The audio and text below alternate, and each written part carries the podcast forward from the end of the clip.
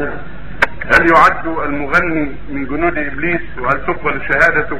وهل يحاسب المسلم لو قال لشخص عاص أو فاسق أنت أحد جنود إبليس أو أنت شيطان؟ كل من دعا إلى الشر هو من جنود إبليس. إبليس له جنود.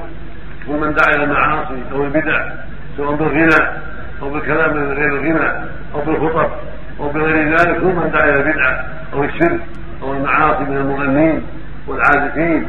وأهل البدع والدعاة إلى الزنا والقمار والمعاصي كلها كله من الشيطان. حزب الشيطان هم دعاة الفساد. حزب الرحمن هم دعاة الحق والهدى. فمن دعا إلى الحق بفعله أو قوله فهو من حزب الله ومن جنود الله.